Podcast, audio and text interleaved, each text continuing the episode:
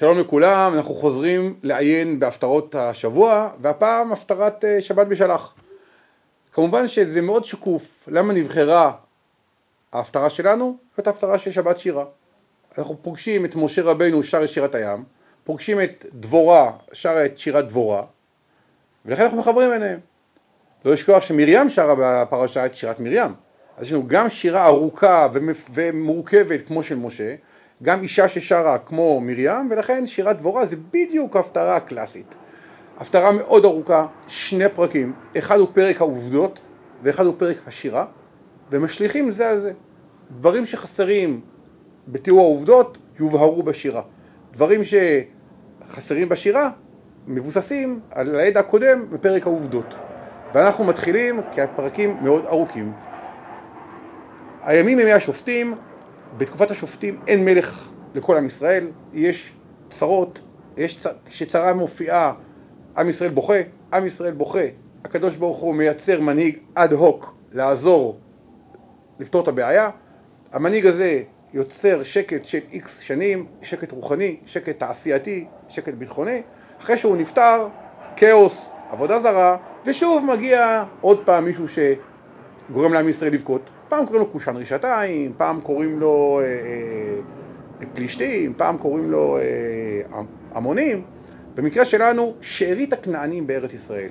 סיסרא, שר צבא יבין מלך כנען, שאריות הכנענים זה האויב.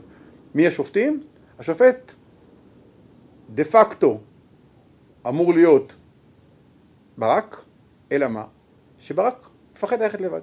והוא הולך את השופטת המרכזית לדבורה, שתבוא יחד איתו, וביחד דבורה וברק ינסו להכניע את סיסרא. עד כאן הרקע מלמעלה. השאלה הגדולה שהפרק הזה מציב לנו, האם באמת אה, הקדוש ברוך הוא רצה שאישה תוביל את עם ישראל לקרבות? האם כאן אמירה על זה שלנשים יש עוצמה של מנהיגות שבעצם מנהלות את העולם? או שבעצם זה פדיחה ובעצם תקלה היסטורית. זה שאישה הולכת להנהיג את העם זה אומר שהמצב ממש על הפנים. אה, כמו הנשים הבריטיות בקרב על בריטניה, הגברים בחזית, נשות לונדון מפשיעות שרוולים ותופסות את כל עמדות המפתח. הן לא מתות על זה, הגברים יחזרו, יפרו את המקום. אז אם זה פרק של עוצמה שככה צריך להיות, או תיאור מצב, או פדיחה תראו לאיפה הגענו. בואו נפשוט את הסוגיה תוך כדי הפרקים. ודבורה אישה נביאה אשת לפידות, היא שופטה את ישראל בעת ההיא. בעת ההיא. פחות uh, מחמיא, נכון? תראו לאיפה הגענו, יש לנו שופטת. והיא יושבת תחת תומר דבורה בין הרמה ובין בית אל בהר אפרים. היא בכלל לא מהצפון, היא בכלל מהמרכז, היא באזור בית אל. ועלו אליה בני ישראל למשפט. זאת שופטת שיושבת, ב... היא היא בבית משפט, היא דנה דינים. אוקיי, ותשלח ותקרא לברק בן אבינועם מקדש נפתלי, בואו נחשוב, קדש נפתלי, נבי יושע, מעל קריית שמונה, כן? מנבי יושע, ממצודת כוח, משם היא קוראת ליהודי משבט נפתלי ואומר לו, תשמע, אדוני יש לי נבואה בשבילך. אומר לה, הלא, הלא ציווה אדוני אלוהי ישראל, לך ומשכת בהר תבור, ולקחת עמך עשרת אלפים איש מבני בני נפתלי ובני זבולון. שמע, הגיעה פקודת מבצע. הקדוש ברוך הוא רוצה אותך על הר תבור, גליל תחתון, הר מבודד, הרי נצרת בצד, הוא יושב מעל העמק, הר קלאסי עם מורדות מסביב, מנותק מכל הכיוונים. לך תעלה עם עשרת אלפים איש להר תבור, ככה הקדוש ברוך הוא אומר. ממש התחושה היא של ימי יהושע בן נון, הקדוש ברוך הוא שלח פקודות מבצעיות, בדיוק כמו שהוא שלח אה, בקרב העי, ממש. כל האופרציה, מי עושה מה. הנה פסוק הבא. ומשכתי אליך, אל נחל קישון, את סיסרא שר צבא יבין, ואת רכבו, ואת המונו, תתיעו בידיך. כמובן שסיסרא יראה אותך עם עשרת אלפים חיילים על ההר המנותק הזה. מסביב הכל עמקים. סיסרא אלוף העולם בקרבות שריון, יש לו המון המון מרכבות ברזל. הוא יטיל עליך מצור, הוא יחכה שאתה תרד, ובסוף, אל תדאג, עליי ההשמדה של צבא סיסרא. אז זאת אומרת בעצם, אדון ברק אמור להיות פיתיון עם עשרת אלפים לוחמים על הר תבור ולחכות שסיסרא יקיף אותו. אוקיי, מה עושה עם המידע הזה ברק? ויאמר אליה ברק, אם תלכי עמי והלכתי, ואם לא תלכי עמי, לא אלך. וואו, הנה הגבר. הנה המנהיג שאנחנו בונים עליו. מה זה, אתה לא הולך בלי אמא? מה זה הדבר הזה? אתה לא הולך בלי, בלי, בלי, בלי דבורה? ברק בפחד משתק. הוא מבין שאין לו סיכוי. הוא הולך להיות, הוא הולך לנסוע במיתלה עם ג'יפ לראות מאיפה יורים עליו. מה, הוא כאן דרור? הוא לא מוכן לעלות לבד להר תבור. אוקיי, ותאמר, עכשיו הנה מתחיל המתח. ותאמר, הלוך אלך עמה, אני מוכנה לבוא איתך, אבל אפס, אבל, כי לא תהיה תפארתך על הדרך אשר אתה, אשר אתה הולך. תדע לך, זה פדיחה בשבילך, לא כדאי לך שאני אבוא. כי ביד אישה ימכור אדוני את, את סיסרא. תדע לך, אתה לא מתפקד, אתה רוצה אותי בתור, בתור מקור השראה, אז גם הביצוע בסוף יש של אישה. והנה נכנס כאן המתח גברים נשים. מי מנהל את העולם? האם אנחנו במצוקה שגברים לא תפקדים, אז אנשים רשת ביטחון? או שמא באמת נשים מנהלות את העולם. ובעצם כל אחד עושה מה שאשתו אמרה לו. מה קורה כאן בפרק? אבל בכל אופן, אומרת דבורה, תדע לך, אתה נכנס למלכוד. אוקיי, ואתה כמו דבורה, ותלך עם ברק קדשה. הוא לא מוכן ללכת בלי הנביאה, הנביאה הולכת איתו. עד כאן חלק ראשון של ההפטרה. חלק שני, ויאזק רק את זבולון ואת נפתלי קדשה, רק שני השבטים הרלוונטיים, כי הוא לא בונה על עזרה של שבטים רחוקים יותר. ימי השופטים, אנשים דואגים למטר שלהם. זבולון מגיע עד הר תבור נחלתו, נפתלי בגליל העליון, גם השבט שלו, הם יש סיכוי שיבואו. ויעל ברגליו, אני חירניקים, הולכים ברגל, אין דרך למרכבות, סוסים לא יכולים לעלות למעלה, עשרת אלפים איש וטל עמו דבורה, והוא יושב על הר תבור, מחכה שאדון סיסרא ישים לב שעשרת אלפים יהודים הזויים, תקועים על ההר למעלה. אומר לך התנ"ך, בוא תקשיב רגע, וחבר הקיני, כן, חבר, זה השם שלו, הוא ממשפחת יתרו, משפחת הקיני, הוא נפרד מקין, הוא נפרד מהמאהל המרכזי של בני יתרו, כן, ויית אוהלו עד אלון בצענענים, אשר את קדש. הוא יושב, הבדואי הזה, הנווד הזה, בני יתרו, מדיינים, נוודים, גם חסרי נחלה, הם יושבים, שלוחה שלהם, המרכז שלהם יושב באזור ערד ובאזור יריחו, ושלוחה שלהם יושבת לבדואים, נדדו לכיוון הגליל התחתון. ויגידו לסיסרא כי עלה ברק בן אבינו, אמר תבור. המודיעין הכנעני עובד. סיסרא שומע שיש איזה מנהיג יהודי עם המון אנשים על הר תבור, זה הזמן לחסל אותם. וכמובן שאם יש לך טנקים, אתה רוצה להיות בעמק למטה. כי אין לך מה לטפס למעלה, אתה לא יכול לנוע שם, אין לך מקום לרכב, הסוסים ישברו את הרגליים. אתה אמור לחכות למטה. ואם אתה חירניק ואתה אלוף העולם בתנועה בשטח סלעי, אסור לך לרדת למישור למטה, כי שם שטח השמדה. שם המרכבות יחסלו אותך. ויאזף ישראל את כל רכבו, 900 רכב ברזל, ואת כל העם אשר איתו, מחרוש תגוי מנחל קישון. כולם רצים לרגלי הר תבור. ואנחנו נוכל להוכיח עוד מעט שנחל קישון זה לא, לא הקישון של הזיהום של צוללי השייטת בנחל קישון, אלא קישון כאן זה נחל תבור, כבר אנחנו נזהה את זה תוך כדי השירה. אוקיי? כי זה היום אשר ותאמר דבורה אל ברק קום כי זה היום אשר נתן אדוני את סיסרא בידיך הלא אדוני יצא לפניך. וירד ברק מהר תבור ועשרת אלפים איש אחריו. בקרב המוחות הזה מי הראשון שעוזב את אזור הנוחות שלו? השריונרים מחכים של סיסרא מחכים למטה לא העיזו לעלות למעלה. החירניקים של ברק לא העיזו לרדת לשטח למטה. אומרת דבורה תדע לך הקדוש ברוך הוא דורש משהו לא הגיוני תעזבו את ההר, את השטח המוגן שלכם, תעזבו את אזור הנוחות, תרדו לשטח ההשמדה, איפה שכנראה יקטשו אתכם, איפה שהקומנדו הסורי שורץ, איפה שאין לכם סיכוי לזוז מטר, תרדו לשם, אם תעשו את זה, תביעו את האמונה הגדולה, הקדוש ברוך הוא יעזור. אוקיי? הנביאה אמרה, זה לכאורה התאבדות, אבל זה מבחן אמוני. מה קורה? וכמובן מגיע החלק השלישי של הפרק, ויום אדוני את סיסרא ואת כל הרכב ואת כל המחנה לפי חרב לפני ברק. כן? לא כתוב איך. הקדוש ברוך הוא ויום את מחנה סיסרא, מחנה מדיין, נכון? המחנה של סיסרא במהומה, כולו מתפזר, כולו מתפרק, אנחנו לא יודעים איך, אבל אל דאגה, הפרק הבא, השירה תבהיר מה קרה שם. אוקיי? וארץ ישרה מעל המרכבה, והוא ירד מהמרכבה, אוקיי? והוא מתחיל לרוץ ברגליו, הוא הופך להיות בעצמו פליט. וברק רדף אחרי הרכב ואחרי המחנה. איזה הטעיה. שר הצבא הולך ברגל. הטנק שלו ממשיך לנסוע חזרה לימ"ח.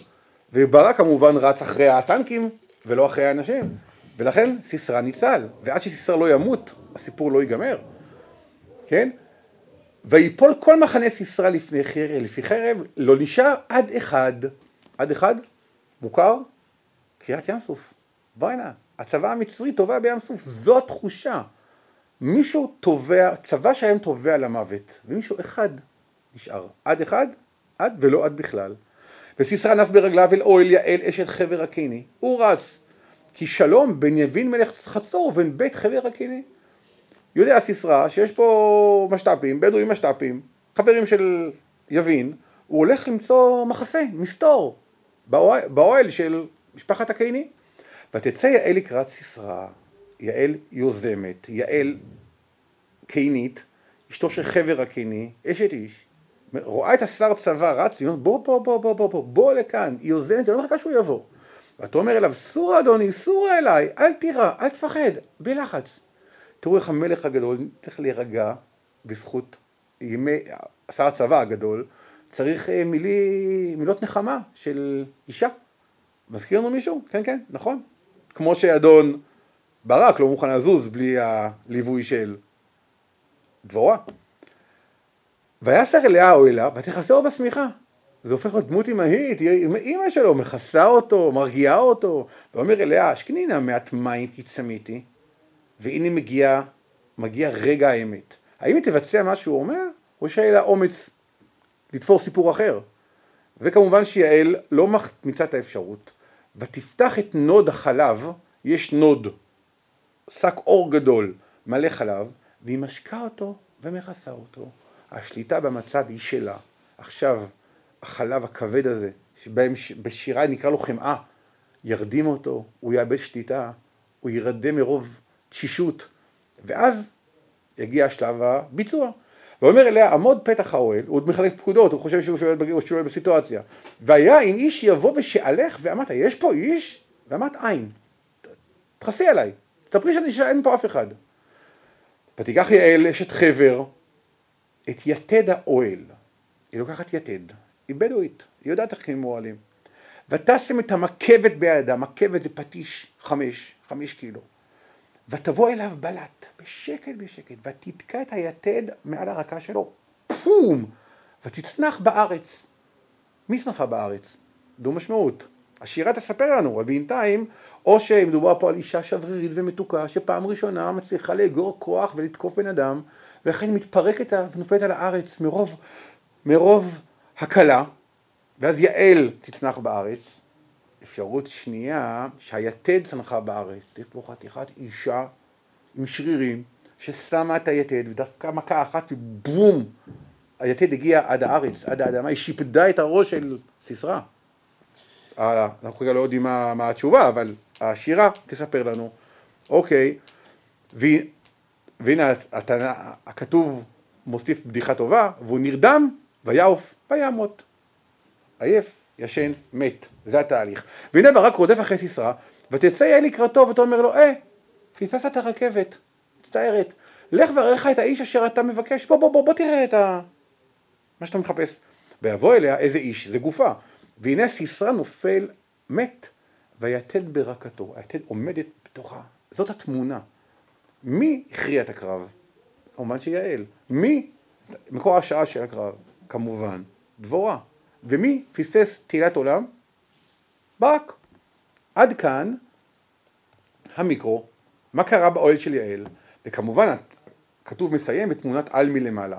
ויחנה אלוהים ביום ההוא את יבין מלך כנען לפני בני ישראל. ותלך יד בני ישראל הלוך וקשה וקשה על יבין מלך כנען עד אשר הרחיתו את יבין מלך כנען. זה היה בעצם הגפרור הראשון, אשר הגפרור שהדליק את המלחמה בכנענים, שלאט לאט לאט לאט לאט לאט לאט תהפוך להיות תבוסה כנענית מוחצת. ומה שלא עשינו בימי יהושע, אנחנו משלימים עכשיו בימי דבורה. עד כאן הסיפור מהזווית של פרק ד' של האירועים. עכשיו בואו נשלים את התחושות ואת הפרטים החסרים דרך השירה של דבורה. מתי שהדבורה ברק בן אבינועם, איזה יופי, הוא קול שני, כנראה להקת ליווי של דבורה, דבורה היא המרכז, זה כאן ברק בן אבינועם. ויאמרו לאמור, רפואה פרעות בישראל, בהתנדב עם ברכו אדוני. השירה היא כולה שירה למתנדבים, אלה שבאו ולא קראו להם, אלה שהגדילו ראש, זה לא קיים בימי השופטים, ולכן זאת שירת הלל למתנדבים. שימו מלכים האזינו רוזנים, זאת שירה שנועדה לפרסום בכל תקליני המלכים במזרח התיכון. דרך אגב, לנו אין מלכים, ימי השופטים. אבל גם שופטת אחת יכולה לחסל מלך גדול. תיזהרו, המלכים והרוזנים באזור. אנוכי לאדוני אנוכי אשירה, אזמר לאדוני אלוהי ישראל. בצאתך משעיר, הקדוש ברוך הוא, שהוא יצא מהר שעיר, הר שעיר זה שם נרדף בספר דברים להר סיני, כאילו הקדוש ברוך הוא ראה את הצרה שלנו והוא הופיע מהר, מהר פרן, הוא בא מהר סיני, החליט להתערב, בצעדך משדה אדום ארץ רעשה, גם שמיים נטפו, גם אבים נטפו מים. ההתערבות של הקדוש ברוך הוא קשורה לגשם, קשורה למים. בגלל זה האווירה היא של, אווירה של קריעת ים סוף. בגלל זה המהומה בצבא של סיסרא.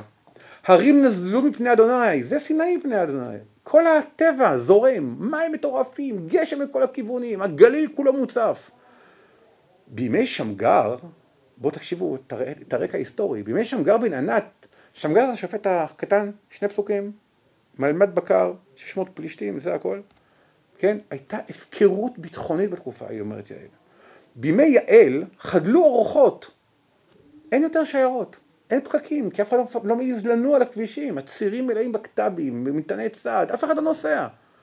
והולכי נתיבות, אנשים שצריכים ללכת בדרך, בנתיב, ילכו אורחות הכלכלות, כבישים עוקפים, דרכים, דרכי עפר, איפה שאין שודדים ואין בעיות ביטחוניות, איזה טרגדיה, בלאגן שלם, אי אפשר לסמוך, אדם יוצא מהבית, הוא לא יודע אם הוא יחזור, איפה הוא יתפוצץ. ולכן, חדלו פרזון בישראל חדלו.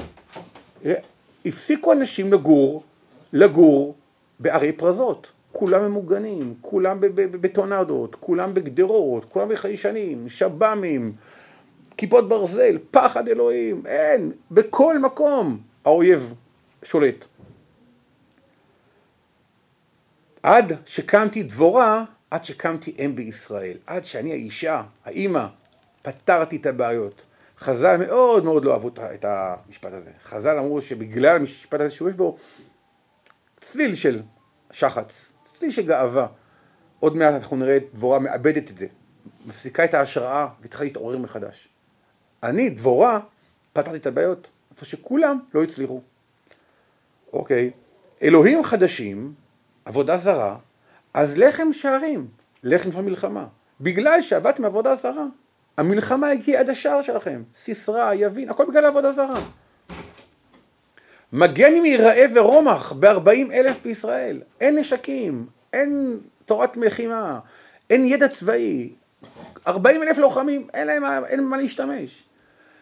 אומרת דבורה, ליבי לחוקקי ישראל המתנדבים בעם ברכו אדוני. אני מעריצה את המנהיגים של ההתנדבות, החוקקים, המחוקקים, ששלחו את האנשים שלהם לקרבות למרות שהם לא זבולון ולא נפתלי. ליבי, רוכבי אתונות סחורות, אנשים אריסטוקרטים, מנהיגים, רכבי שרד, אתון סחורה, יושבי אלמידין, אלה שיושבים במקומות הכי הכי חשובים, במקומות הכי, הכי קובעים, והולכי הדרך שיחו, תקשיבו כולכם, אריסטוקרטיות, המנהיגים והולכי הדרכים, תקשיבו, מכל מחצצים בין משאבים, הצבא מתארגן, שם יתאמו צדקות אדוני צדקות פרזונו בישראל, חוזרים לביטחון, מגיעים אלפי אנשים, מתארגנים בתור צבא, נגמר הסיפור של ההפקרות. אז ירדו לשערים עם אדוני, קדימה, היידי לקרב, הצבא מתארגן, מתנדבים מגיעים, גם מי שלא אמור להגיע מגיע, מחלקות, פלוגות, גדודים, חטיבות, וקדימה להסתער. והנה מגיעה התקלה, נגמרת ההשראה, כבר לא מצליחה יותר, בגלל מילות שחץ שקודם אומרים חז"ל, היא לא צריכה להתניע עוד פעם, אורי אורי דור אורי אורי דברי שיר, קדימה קדימה, נו בואי נמשיך. ואז עוברת דבורה לאגף הצל"שים והצל"גים, מי מגיע לו בונוס ומי צריך ציון לגנאי. אז ירד שריד לאדירים עם. פתאום נזכרנו איזה עם היינו פעם בימי יהושע בן נון, בכיבוש עבר הירדן המזרחי. אדוני ירדי בגיבורים. מיני אפרים שורשם בעמלק. היי, שבט אפרים מתנדב ומגיע, הוא משרש, הוא עוקר את העמלקים. אחריך בנימין בעממך. וואו, שבט בנימין גם מגיע לקרבות למרות שהוא לא באזור בכלל. מיני מחיר ירדו מחוקקים, מחיר בן מנשה, שבט מנשה מגיע. וזבולון, טוב להם קראו, מושכים בשבט סופר, כל האינטליגנטים, כל האקדמיה וכל הרבנים וכל הדיינים, כולם באו להילחם, אין פטורים. ושרי ביששכר, גם שבט יששכר שיושב עד, עד הכנרת עם דבורה. ויששכר כן ברק בעמק שולח ברגליו. אז זה השבטים שבאו והתנדבו, שזה אומר אפרים ובנימין ומנשה וזבולון ויששכר. עשה פדיחה? בפלגות ראובן גדולים חיקי לב. שבט ראובן, מעבר לירדן, אין לכם לב? לב מאבן? למה ישבת בין המשפטיים לשמוע שריקות עדרים? שבט ראובן ישב בעבר הירדן המזרחי, יש לו עדרים, הוא רוצה מרעה כמו שהוא אומר למשה. הוא מנותק, לא אכפת לו, לא מגיע. לפלגות ראובן גדולים חקרי לב. גלעד, גלעד זה שבט גד, נכון, ג' ועדה גלעד, גלעד, בעבר הירדן שכן, גם אתם לא באתם. ודן, למה יגור אוניות? שבט דן, גוש דן, אתם בתל אביב, לא אכפת לכם מה שקורה? עד שהקרבות לא יגיעו לירקון ולאיילון, אתם לא, לא תבואו לעזור? לא תתגייסו? אשר ישב לחוף ימים, ביזנס, אין לו זמן, הוא עושה אקספורט אימפורט, הוא לא, אין לו, אין לו זמן למלחמות של שבטים אחרים. ולעומתכם, זבולון עם חרף נפשו למות, ונפתלי מרומי שדה, תלמדו מהם. איזה באסה שאתם לא למדתם מהשבטים האלה. אז עד כאן דבורה מחלקת צל"שים וצל"גים. אוקיי, ועכשיו אנחנו עוברים לקטע שחושף מה קרה במלחמה. באו מלכים נלחמו, אז נלחמו מלכי כנען בתענך על מי מגידו. הגיעה קואליציה כנענית שלמה לעזור ליבין. האזור של גוש התענכים, מהתענכים עד מגידו. שם היה הצבא הגדול שהתכנס, הצבא, שטחי הכינוס של הכנענים. בצע כסף לא לקחו. בלי טובות, אנחנו לא צריכים את הכסף, אנחנו שונאים יהודים, אנחנו אנטישמים בלתי אה, עכשיו יום השואה הבינלאומי, נכון? ליטאים, אוקראינים, פולנים לא צריכים הרבה כסף כדי להרוג יהודים, זה די טבעי להם. כן? הם שותפים באידיאולוגיה אחרי הכל. אין להם כושר עשייה גרמני, אבל אם כבר חגיגה, הם הצטרפו. ומן השמיים נלחמו הכוכבים עם מסילותם, נלחמו עם סיסרא. כוכבים וגשם הולכים ביחד.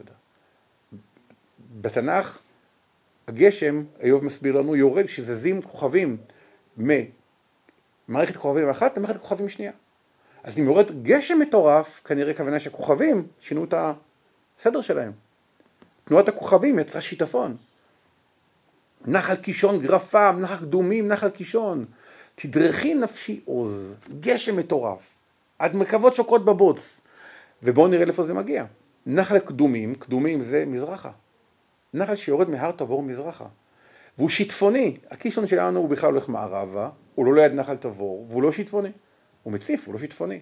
נחל תבור הוא יורד מזרחה, הוא שיטפוני שנפוליאון, גופות החיילים של נפוליאון שכבו לרגלי הר תבור, ירד גשם מטורף, הגופות נסחפו לנחל תבור, ככה מתארי היסטוריון שהולך לנפוליאון. בקיצור, ודרך אגב, יש תל בנחל נחל תבור שנקרא תל קישיון, אחד לאחד. יש לנו שימוש של שם, גריפה, מזרחה, מילים אחרות, גשם מטורף, וכל הצבא הכנעני נסחף לתוך נחל תבור. אז דלמו עקבי סוס מדערות, דערות אבירב, כולם בורחים, איזה פחד, וניסחנו. עכשיו כמובן לא נשכח את יעל. עוד שתי פסקאות קצרות, תהיו חזקים. אור ומרוז המלאך הנאי, אור הוא ארור יושביה, כי לא באו לעזרת אדוני לעזרת השם בגיבורים. אלה שלא באו לעזור, וואלה, אנחנו נשלם, ישלמו את המחיר. תבורך לעומתם, תבורך לעומתם יעל, אשת חבר הקיני, שהיא אישה נשואה, עם משפחה, לא יהודייה בכלל, כן? מנשים באוהל תבורך. נשמע תמים, נכון? אישה באוהל, כבודה בת מלך פנימה. מה פתאום? מה אם שאל חלב נתנה, איזה אומץ? הוא היה יכול לעוד שנייה על התוכנית שלה. ביקשתי מים, נתת לי חלב, בום, כדור בראש. מה פתאום? כן, בספל אדירים הקריב החמאה, נתנה לו כוס של ליטר של בירה, ולא סתם חלב, חלב שומני שמרדים בדקה, כמו חמאה. איזה יוזמה, איזה תחכום, איזה אומץ. ואז מה היא עושה? ידה ליתד תשלחנה, כן, יד שמאל. למה? כי ימינה להלמות עמלים. הלמות עמלים, מה שאנשים פועלים עובדים איתו.